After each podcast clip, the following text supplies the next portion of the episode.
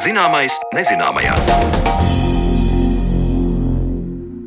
Esiet sveicināti raidījumā Zināmais nezināmajā. Ar jums kopā ir Sandra Kropa, un turpmāko stundu mēs veltīsim sarunām par tādām ne īpaši izpētītām šīs planētas vietām.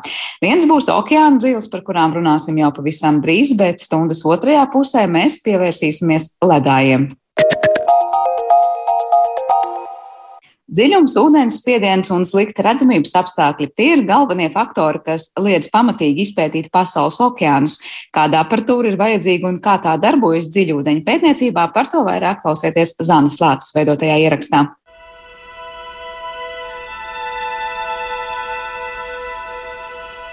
Tas nav vienkārši. Man bija saruna kaut kad senāk atpakaļ ar somu kolēģiem, kas bija piedalījušies ekspedīcijā Dienvidpola virzienā. Un, viņi stāstīja, kaut vai elementāri, lai nomērītu sāļumu, temperatūru, skābekli, jā, instruments iet lejā 6 stundas vienā virzienā. Tikai instruments iet lejā 6 stundas, 6 stundas viena stacija vienā virzienā, tātad 12 stundas uz stacijas.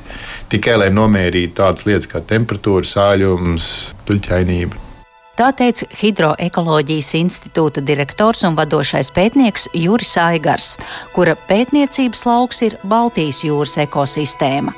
Salīdzinājumam, Baltijas jūras vidējais dziļums ir 55 metri, bet okeāna vidējais dziļums ir aptuveni 4 km. Dziļākā vieta ir Marijanas dziļvaga, teju 11 km. Mēdz teikt, ka kosmoss ir labāk izpētīts nekā visi pieci pasaules okeāni, kas apņem 71% no visas mūsu planētas teritorijas. Kas ir tie sarežģījumi, ar ko pētniekiem jāsastopas skenējot šos ūdeņus un vācot paraugus no to dzīvēm, par to stāsta Juris Aigars. Tie, kas pieņemsim, nodarbojās ar niršanu, zina, ka uz katriem desmit metriem spiediens pieaug par vienu atmosfēru. Tad jau 30 metru dziļumā jau ir atmosfēra, kas ir augšā, plus vēl trīs. Un, nu, tam instrumentam, mērinstrumentam eh, ir jāiztur šis spiediens. Un tagad mēs padomājam par okeānu, 3-4 km dziļums. Kādam spiedienam tur apakšā ir jābūt. Mēs vienkārši normāli pat iedomāties nespējam, ko tas nozīmē, jā, kādas prasības ir tiem materiāliem, tiem instrumentiem. Jā, tāpēc arī tie batiski kafija, kas tiek izmantot, viņi ir tāds nu, paldošs, teiksim, bruņu kuģis, sauksim tā. Jā. Tas ir viens, otrs tur ir tumšs. Mēs esam pieraduši daudzas lietas pētīt vizuāli, tīri vizuāli. Mēs viņus redzam, mēs viņus filmējam, mēs viņus aprakstām, mēs viņus zīmējam, mēs fotografējam.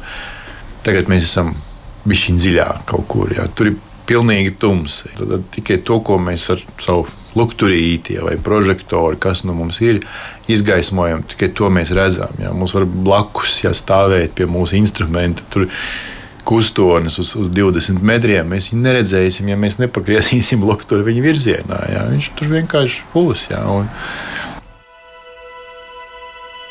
Ja tā skatās uz okeāniem, tad vislabāk droši vien ir izpētītas divas plaknes, jā, ūdens virsma un gultnieki, nu, sedimenti, tas, kas ir apakšā. Jo virsmu mēs diezgan viegli tiekam klāt, nu, relatīvi viegli. Bet sedimenti, nu, tā ir plakne. Ja? Tas nav, teiksim, kilometru biezs slānis, ja, kurā mēs neko neredzam. Tāpat kā uz zemes virsmas, arī okeānos ir kalnu grēdas, aizas un ielejas. Par lielo reljefu liecina pētījumi saistībā ar traģisko gadījumu, kad 2014. gadā Indijas okeānā iekrita un pazuda Malaizijas pasažieru lidmašīna, un tās meklējumi ilga četrus gadus, bet okeāna dzīvēs neko neizdevās atrast. Tas reljefs ir, viņš nav gluds.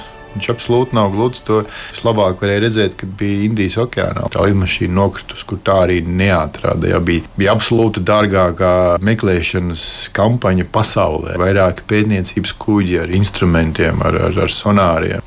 Bagoja to Indijas okeānu. Un sākumā pat bija signāls no melnās kastes, tāpat tās atrast viņu neizdevās, jo tas signāls visdrīzāk ir atstarojās pret vairākām zemūdens grēdām, jā, un tagad to pareizo virzienu atrast, ja tam atbalstīja faktiski ir diezgan nu, nereāli, un, un, un tas reliefs ir nu, nu, apmēram tas pats, kas ja mēs tagad kaut kādu nokritušu lidmašīnu meklētu, nezinu, Andu kalnos. Trīs km augstumā lidojam pāri un mēģinām saskatīt, kur tā lidmašīna palikusi. Nu, nav tik vienkārši. Tas reliefs ir tāds. Te, tepat jau arī Baltijas jūrā, jā, ja mēs skatāmies, nekāds okeāns, bet tas reliefs tāpat nav gluds. Tāpat ir ieplakas, ir pacēlumi, ir Runājot par okeāna dzīvēs mītošo faunu, arī skatot rakstus, vienmēr tiek minēti, vai tie ir kādi, protams, ka tie ir reti, vēžveidīgie, vai var lasīt, jā, ka tur ir pat teju 30 cm garas zīves manītes. Tad es saprotu, ka tādi nu, lielu apmēru ūdens dzīvnieki nemaz tur nedzīvo, vai arī atkal tas ir jautājums, kas nav izpētīts. Nu, kas skatās teiksim, uz kaut kādām dziļākiem teiksim, ūdeņiem. Tur ir vairākas īpatnības, kuras nav virspusē, ja, tur nav viļņu iedarbības. Nu, ir straumes, bet tās straumes nav ļoti spēcīgas. Ja, tur ir zema temperatūra vienmēr. No, nu, kā Baltijas jūrā, piemēram, dziļajos, nu, kaut kur zem 120 metriem, temperatūra ir konstanta 3 grādi, piemēram, 3 līdz 4 kaut kur tā. Ja. Tad, tad tur ir konstanta zemes temperatūras, un tiem organismiem, tām zivīm, kas tur dzīvo, nu, viņiem ir lēns metabolisms, līdz ar to viņas lēni pārstrādā. Bet viņas arī viņas var izaugt lielas diezgan, jo nu, viņas aug ilgi, viņas neviens lāgā neapdraud, jā, nu, neviens tik dziļi arī nezvejo. Tomēr arī lielākajās okeānu dzīvēs var atrast cilvēka pēdas ekoloģisko nospiedumu. Jau minēto Marijānu dziļvagu pirmo reizi pētīja 1960. gada janvārī. 2012. gadā dziļvagā nolaidās Holivudas filmas Titaniks režisors Džeims Kamerons, kurš kļuva par pirmo cilvēku, kurš vienatnē sasniedza pasaules okeāna dziļāko vietu. Bet pirms diviem gadiem amerikāņu finansists Viktors Veskovo ar zemūdeni Marijānas dziļvagā nolaidās gandrīz 11 km dziļumā, un tur fiksēja plastmasas maisiņus un konfekšu ietinamos papīrus konfekšu papīrīši vai, vai, vai plasmasa, kas ir nu, smagāka par ūdeni, ja, tad viņi lēnām grimst un sasniedz to gultni. Ja. Tur ne tikai to vien var atrast. Pāris atomu zemūdens tur kaut kur atrodas. Par to aparatūru runājot, lai cilvēki saprastu salīdzinoši, kādu izmanto aparatūru, lai pētītu Baltijas jūras dibenu.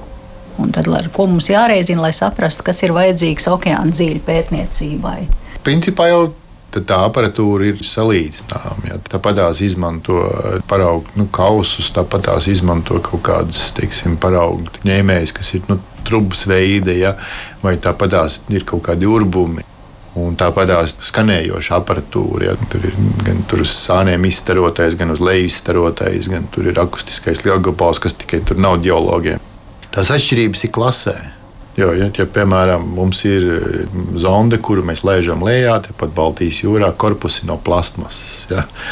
Tur korpusi no titāna.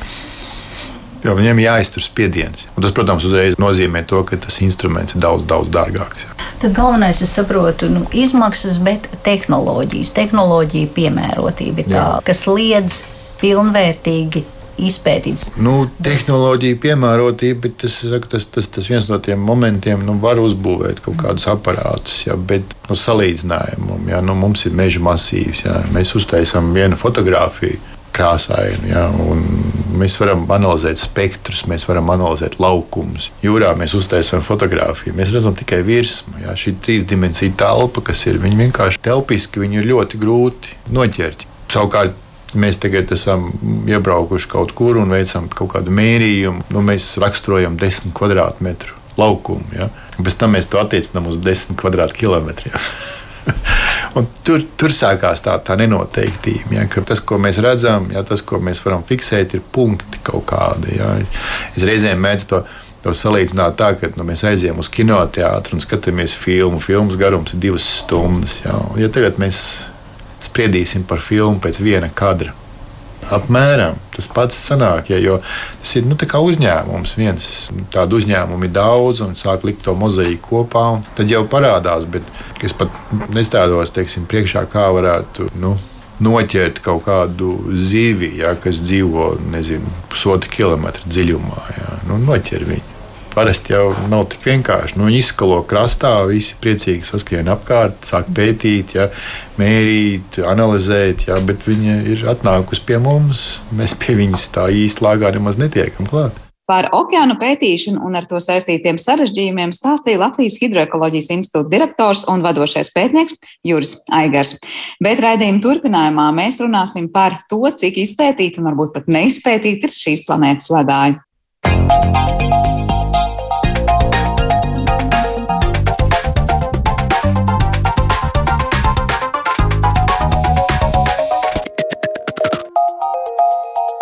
Zināmais nezināmajā. Klajā nākusi ģeologa Kristapa Lamstera grāmata par mūsdienu ledājiem, kas ir unikāls polārajai izpētē veltīts izdevums latviešu valodā. Ar ko ledāji ir aizdrāvuši pašu autoru un kā tie mainījušies senatnē un mainās arī šodien. Par to visu tad mēs arī sīkāk runāsim atlikušajā raidījuma pusstundā, kad mūsu attālinātajā studijā tiekamies ar grāmatas autoru, ģeologu un Latvijas universitātes asociēto profesoru Kristapu Lamsteru. Sveiks, Kristap! Sveiki! Vispirms jāsāk ar jautājumu varbūt nu, par to, kas ir un kas nav uzskatāms par ledāju, vai tādam vienkāršam cilvēkam sakot, nu, jebkas, kur ir ledus, jau būs ledājs, un cik daudz tomēr mums planēta klāja šie, šie ledus skaistie apgabali. Kā tu teiktu, kur mēs velkam to līniju, ko uzskatām un ko neuzskatām par ledāju? Jā, šāda veida jautājumi īstenībā, lai nodefinētu kaut kādus fenomenus, ir vieni no grūtākajiem. Ir sarežģīti definēt, kas vispār ir ledus un kur nu vēl ledājs, kurš ir ledus masu sakopojums ar visnotaļ atšķirīgām īpašībām nekā vienkārši ledum.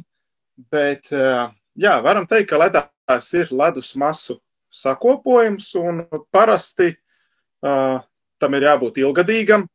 Un parasti arī ledājiem ir raksturīga plūšana, jeb plūsma. Tā ir viena no tām galvenajām īpašībām, ka ledā ledus nav nekustīgs blāķis, bet tas pārvietojas uz priekšu un attiecīgi maina ainavu.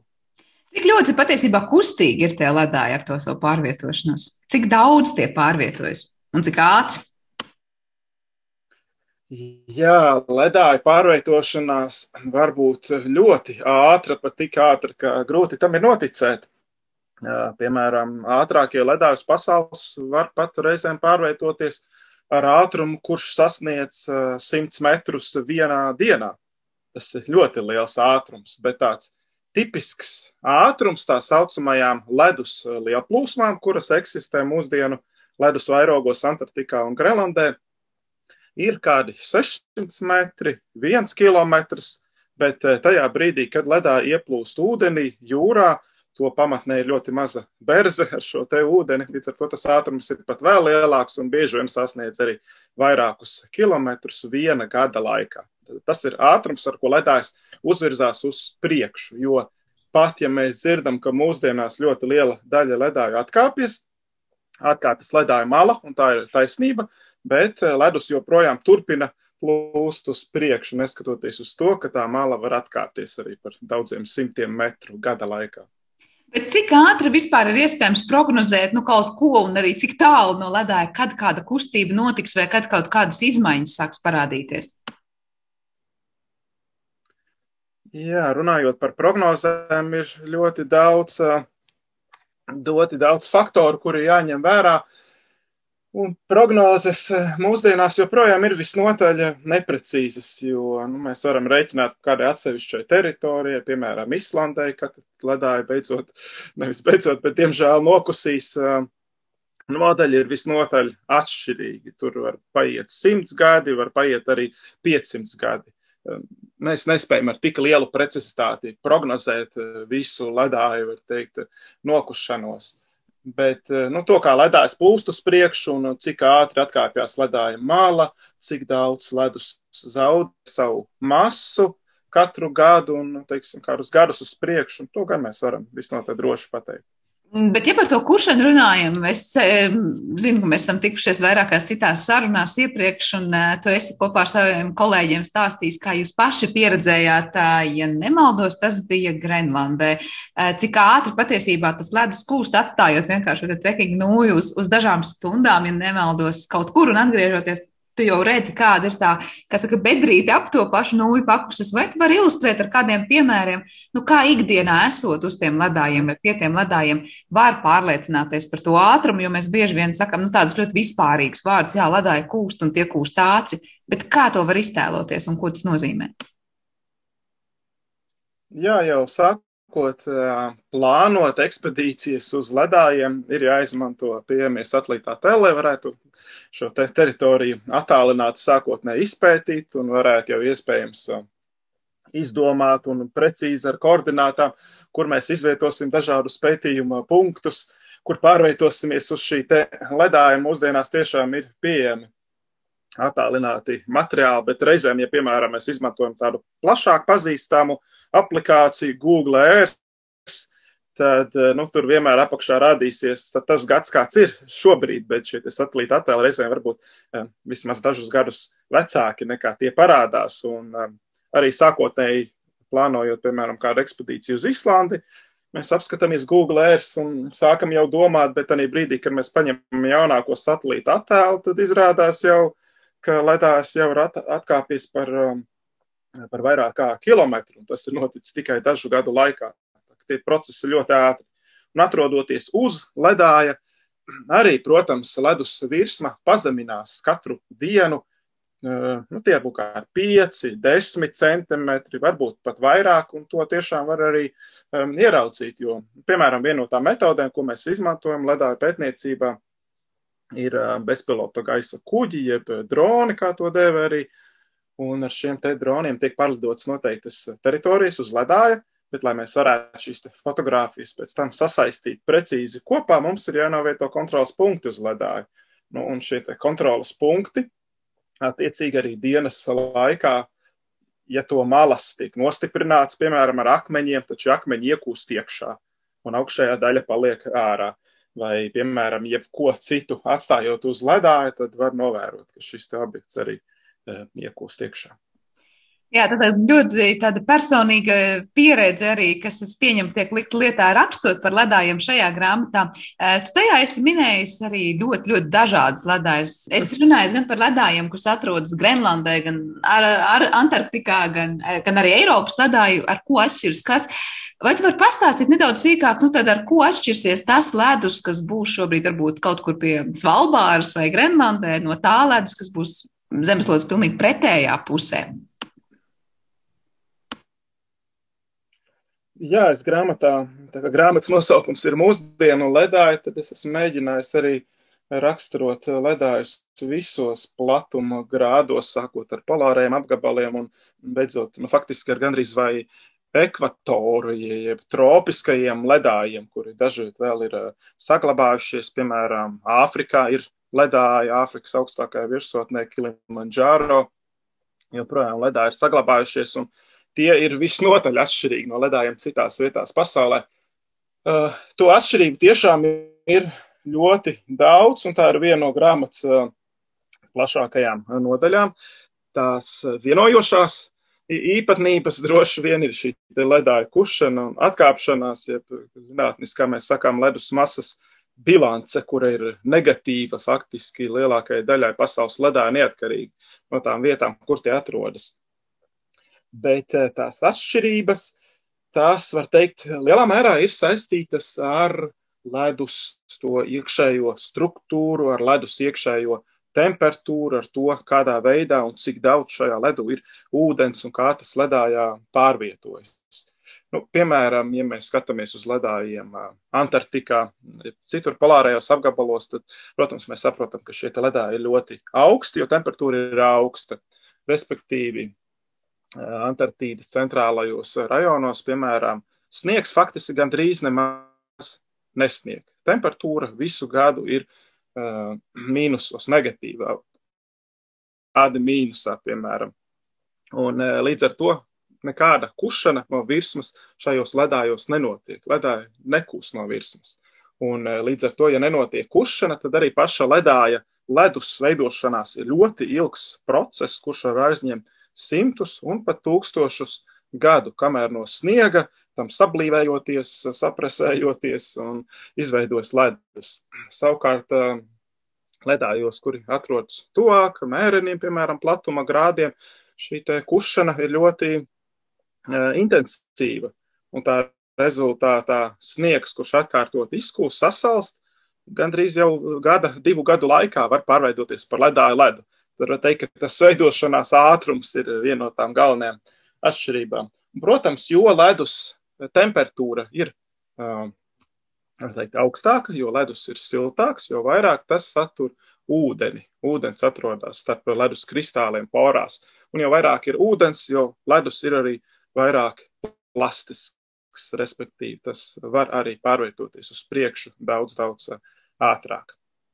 Nu, tas, tas, no, tas nozīmē, ka arī vizuāli, vai ne? Tātad mēs varam patiesībā skatoties uz ledu, pateikt, vai tas ir vairāk nu, tāds ar to sniegu, tā tad veidojies tur, kur tā, tā ūdens ir vairāk un paša ledus temperatūra ir tiešām augstāka un šajā gadījumā sakam siltāks ir ledus. Vai tomēr vizuāli ar aci to nevarēs vienkārši tā noteikt?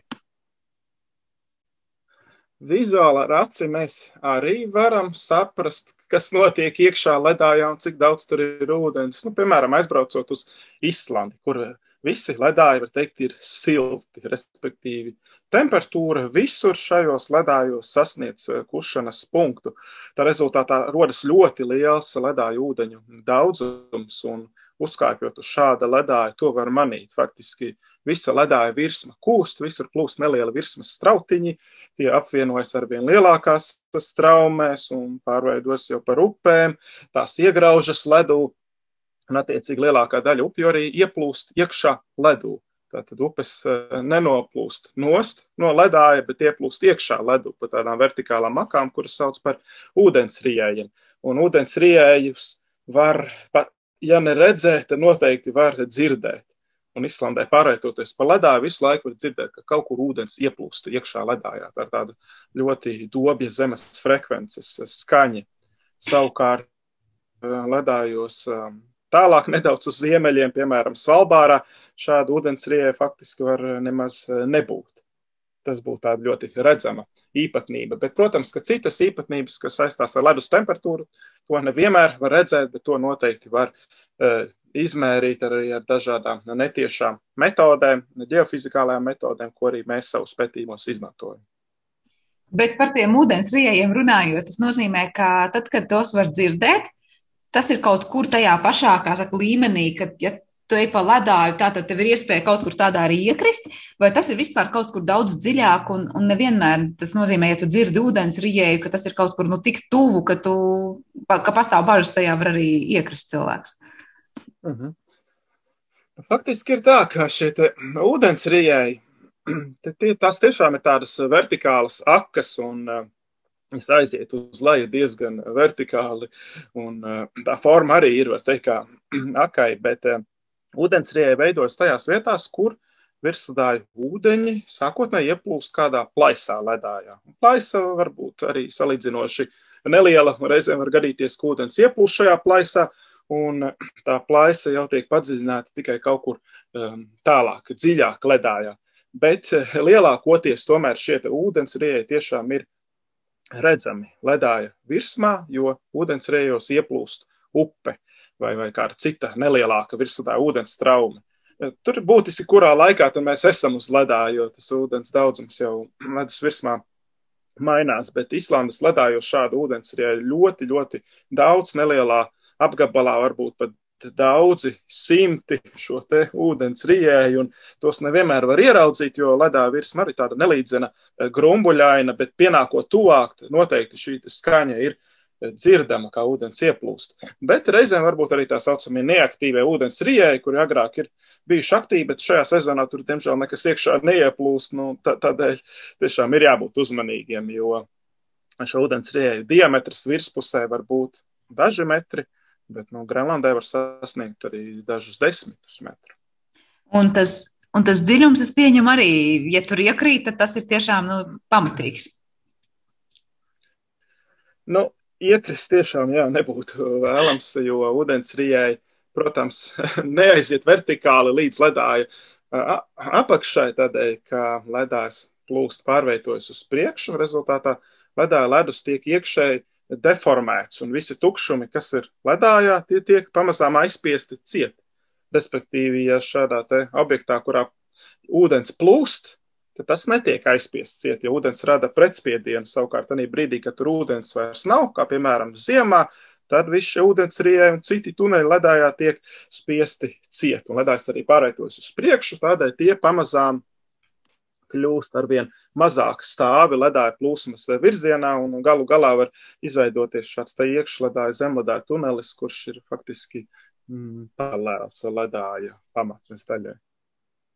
Jā, tas sanāk tā ļoti savādi iztēloties, ka mēs runājam par ledāju un tajā pašā laikā, ka ledājā plūst ūdens, kas ir nesasalis tajā brīdī, tā kā tiešām tā dzīve tur ir nu, ļoti daudzveidīga un, un ļoti, ļoti dinamiska. Es saprotu, ka jūs arī esat uz dažādiem ledājiem, esat daudz skatījušies tās zemledus struktūras. Kādas ir varbūt tās interesantākās vēl bez ūdens riejiem pieminētajiem lietas, kas pašas ir pārsteigušas vai kas liek domāt, nu, ka tā ledāja iekšējā struktūra ir nu, diezgan sarežģīta vai reljefa ziņā ļoti interesanta? Mhm. Jā, par, par divām lietām mēs varam, ne par, par kādām trijām runāt. Pirmais, sarežģīti sakot, tā ir ledāja termika, termiskā struktūra, tā ledus temperatūra un kā tā mainās. Otrais tad būtu šie te iekšādā zemledāja tuneļi, kā ūdens pārvietojas ledājā. Un trešais tas būtu šis te zemledāja reliefs.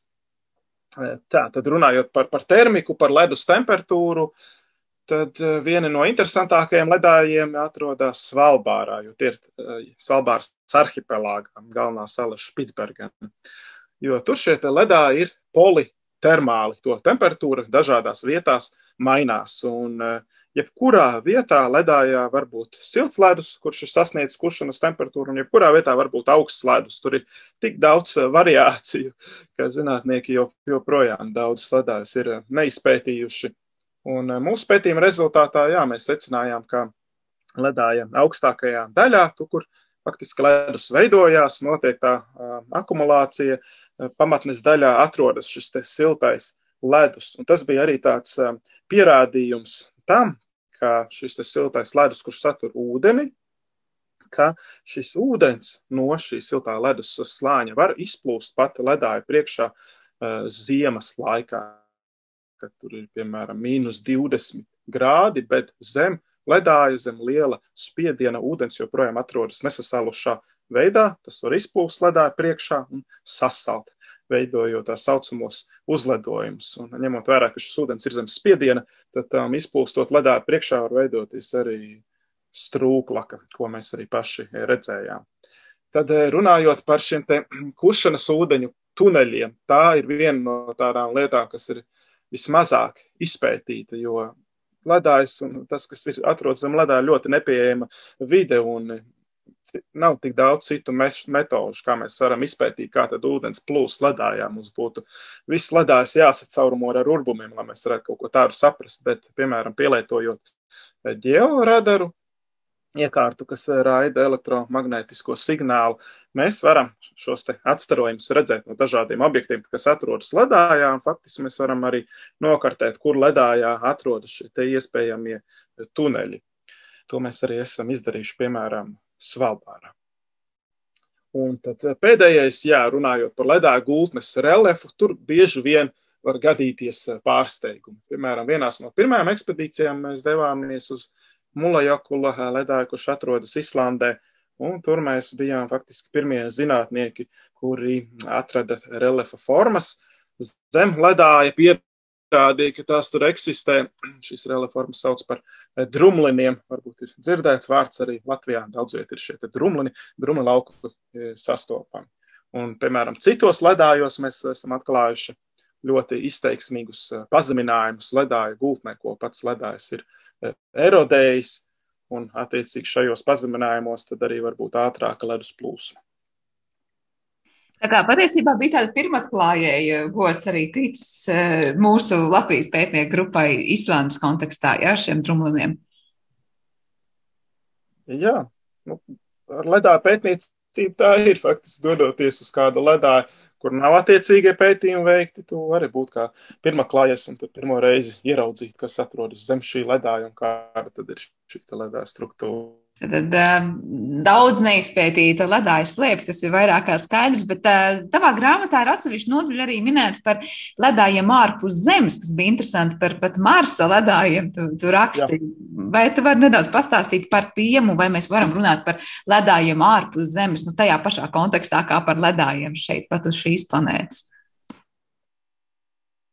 Jā, parasti par eh, ledājiem ārpus zemes nekur pārāk daudz netiek eh, runāts arī grāmatās. Eh, angļu valodā tādēļ es vēlējos vismaz tādu īsu nodaļu grāmatā iekļaut. Un galvenokārt tur ir doti piemēri no Marsa, jo Marsa ledāja īstenībā ir salīdzinoši labi izpētīti.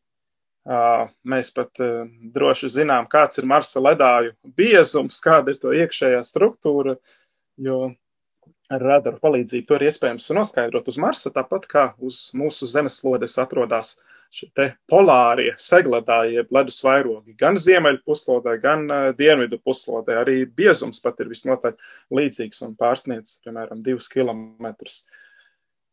Uh, bet uh, uz Marsa nav tikai šādi polāri segledāji. Uz Marsa pat ir mērenojos platumu grādos un pat tropiskie ledāji, kuri atrodas zem šī te irdenā Marsa nogulu virsējā slāņa. Viss ledus uz Marsa ir pārklāts ar šo te atlūzu materiālu. Nu, Geologi to dēvē par regolītu, tāds kā putekļa veidīgs materiāls, jo tā temperatūra uz Marsa tomēr ir tāda, ka, led, ka ūdens eksistēt īsti šķidrā veidā Marsa virsmā nevar.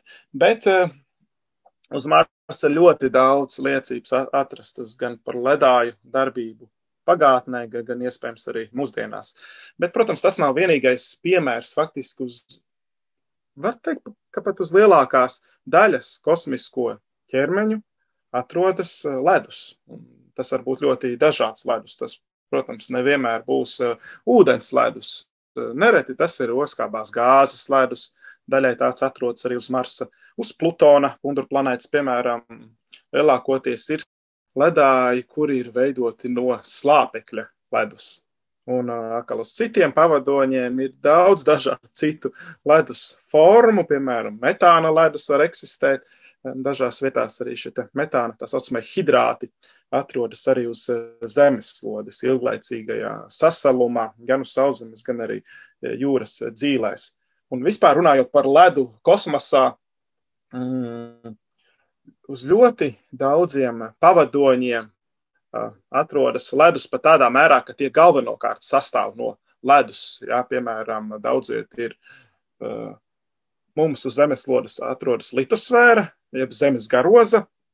Tā sastāv no cietiem iežiem, savukārt uz citiem pavadoņiem šo garozu pilnībā veido ledus, un bieži vien zem šīs garozas atrodas ūdens šķidrā veidā.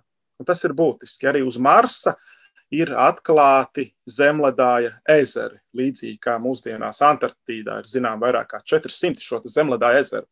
Un, ja mums ir ūdens, tas nozīmē, ka tieši tā ir vieta, kur ir meklējama dzīvība, tātad zem ledājiem. Jā, patiešām interesanti par to, cik ļoti, ļoti, nu, mēs varam paskatīties uz citiem debesu ķermeņiem un saprast, ka arī tur ir ledus. Un, pieņem, ļoti interesanti būtu kādreiz, varbūt jau uz Marsu būtu devušies cilvēki pētīt arī turienes ledu klātienē kādam.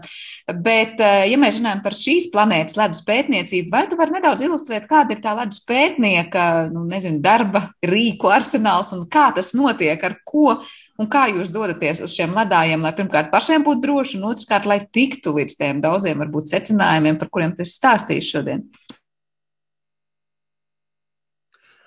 Jā, ledāju pētniecībai var būt daudz dažādu formu, un, protams, mūsdienās ja ļoti daudz ko paveikt. Attālināt, mums ir satelīti, uz kuriem uzstādīti speciāli instrumenti, kuri var nomērīt, kā mainās, piemēram, gravitācija, un attiecīgi, kā nokūst šis ledus, mainoties gravitācijai, vai arī ar lāzera altimetriem, vai arī radariem izmērīt, kā pazeminās ledus eh, virsma.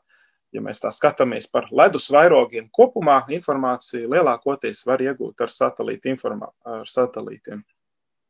Bet, eh, protams, tādu detalizētāku informāciju, lai iegūtu, kāda ir šī iekšējā ledus struktūra, uh, tad eh, mums ir jādodas uz šiem ledājiem un Latviešu geologi lielākoties izmanto divas iekārtas - bezpilota gaisa kuģus un tā saucamo georadaru.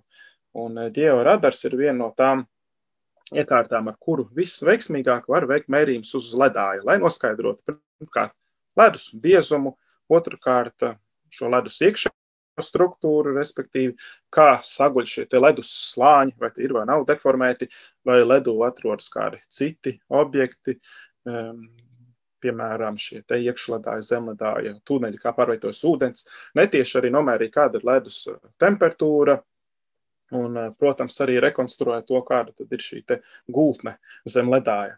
Līdz ar to visi šie pētījumi ir jāveic klātienē uz ledājiem, un mēs parasti izvēlamies kādu vienu ledāju arī kādu atsevišķu ledāju daļu, un tad katru dienu arī dodamies uz šo ledāju, faktiski pēc 25 vai pēc 50 metriem taisnā līnijā pārvietoties no viena gala uz otru. Līdz ar to mēs esam diezgan diezgan lielas platības noseguši, pārvietoties uz šiem. Nosteigājuši ledā, esat diezgan lielos attālumos. Pamazām noslēdzot mūsu sarunu, man tāds jautājums, nu, mēs bieži dzirdam par to, ka ledā ir kūst un nu, neizskatās diezgan cerīgi tā aina tajā, cik ļoti varbūt mēs varam, nu, nezinu, vai apturēt, vai vismaz mazināt to ātrumu, kādā tie kūst. Kā tu teiktu, kāda ir tā ledāju nākotne un cik optimistiski vai pesimistiski tu raugies uz to, kas ar tiem notiks nākotnē? Ledāju nākotne vienā vārdā var teikt ir eh, dinamiska, jo eh, mēs dzīvojam tā saucamajā lielajā ledus laikmetā, kurš sākās pirms 2,6 miljoniem gadu kvartāra periods. Un šajā lielajā ledus laikmetā ir eh, kopumā aptuveni 50 tādi laika posmi, kad ir bijuši uh, tādi mazāki ledus laikmeti, un tikpat ilgi, nevis ilgi, bet tikpat daudz laika posmi, kad ir bijuši starp ledus laikmeti, respektīvi kopumā simts. Un katrā šajā ledus laikmetā mēs var, vēl varam izdalīt siltāka un augstāka klimata epizodus, ka ledā ir uzvirzījušies un atkāpušies. Un, ja mēs skatāmies pagātnē, tad ledāji uh, uz zemeslodes plaši izplatīti jau ir bijuši pat eh, pirms 2,9 miljardiem gadu, ļoti, ļoti senā pagātnē. Tātad uh, ledāji veidojas un ledāji izzūd. Tas ir noticis visu laiku. Tādēļ Tādēļ tā, no tāda geoloģiskā skatu punkta var teikt, es varbūt tik ļoti nebēdājos par ledāju atkāpšanos, jo vienmēr ir bijis tā, ka ledā atkāpjas, bet pēc kāda laika atkal iestājās ledus laikmets. Un es domāju, ka mūsu lielākas bažas drīzāk būtu tās, ka varētu iestāties pēc kāda laika ledus laikmets, jo tas radītu eh, daudz lielākus postījumus, ja Latvija pārklātu vienu kilometru bieza ledus sega. Bet es domāju, ka vismaz kādus, vismaz 50 tūkstošus gadu mums par to nav jābaidās. Bet, ja mēs runājam par to ledus kušanu, kas, protams, vienmēr ir bijusi un būs, vai nav tā, ka šobrīd tas ātrums, kādā tas notiek, ir krietni, varbūt, nu, ātrāks nekā būtu jānotiek?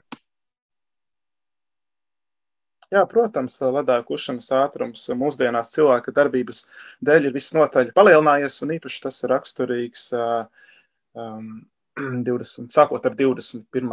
gadsimta sākumu. Bet, ja mēs skatāmies, protams, pagātnē, tad ir bijuši, bijuši pietiekami daudzi laika posmi, kad uh, globālā gaisa temperatūra ir palielinājusies pat vēl lielākā ātrumā par kādiem 8 grādiem vai 10 uh, gadē.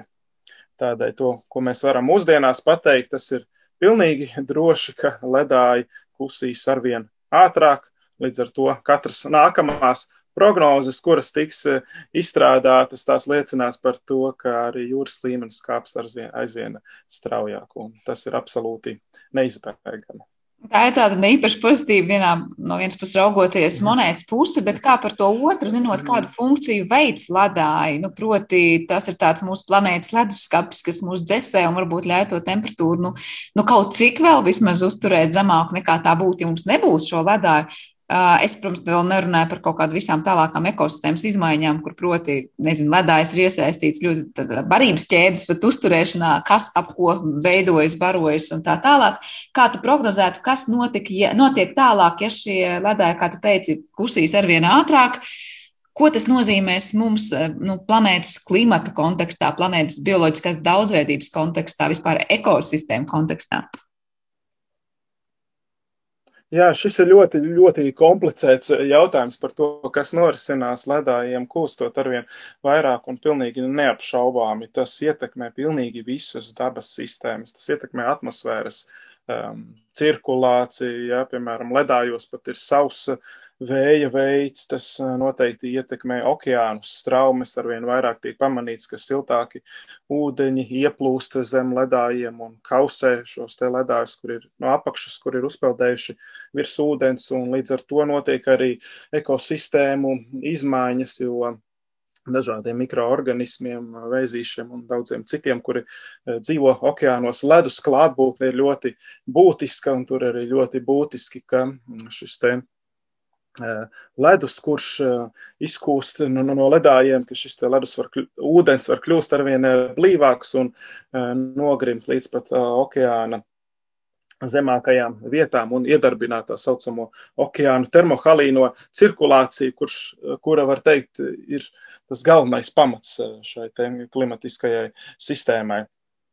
Līdz ar to ir ļoti grūti tās izmaiņas prognozēt, jo tur ir tik daudz komponentu, kurus zinātniekiem ir sarežģīti visus ņemt vērā. Tādēļ mūsdienās ir vēl daudz problēmu saistībā ar, ar modelēšanu, un aizvien jaunāki pētījumi pierāda, ka šie ledāji pagātnē ir bijuši arvien mazāk stabila nekā mums ir licies. Varbūt mums ir licies, ka uh, Antarktīdā šis austrum Antarktīdas ledus vairogs ir bijis ļoti stabils, var teikt, 14 miljonus gadu, bet nē, ir aizvien jaurā, jaunāki pierādījumi, ka tomēr šis ledājs ir piedzīvojis dažādas periodiskas variācijas un zaudējis ledus masa lielā daudzumā. Tādēļ mums vienkārši ir jādomā uz priekšu un ir jārēķinās, ka līdz šim, šī gadsimta beigām tuvu vienam metram celsies jūras līmenis, bet skatoties jau tālākā nākotnē, domāju par tūkstošiem gadu, tad mēs atkal varam domāt par jau vairākiem, pat desmitiem metru ūdens līmeņa kāpumu, kas, protams, ietekmēs visu cilvēces darbošanos. Jā, nu, no vienas puses ļoti tādas pesimistiskas prognozes, no otras puses realistiskas un labāk to apzināties un laikus ar to rēķināties. Teikšu lielu paldies Kristapam Lamsteram, tātad atgādinu grāmatas mūsdienu ledāja autoram un Latvijas Universitātes asociētiem profesoram, kurš šodien dzirdējām mūsu raidījumu attālinātajā studijā. Ar to arī raidījums ir izskanējis, un par to teikšu paldies arī producentē Paulē Gulbinskai un mūzikas redaktoram Girtam Bišam. Ar jums kopā bija es Sandra Kropa, un mēs tiekamies jau atkal rīt. Vislabāk!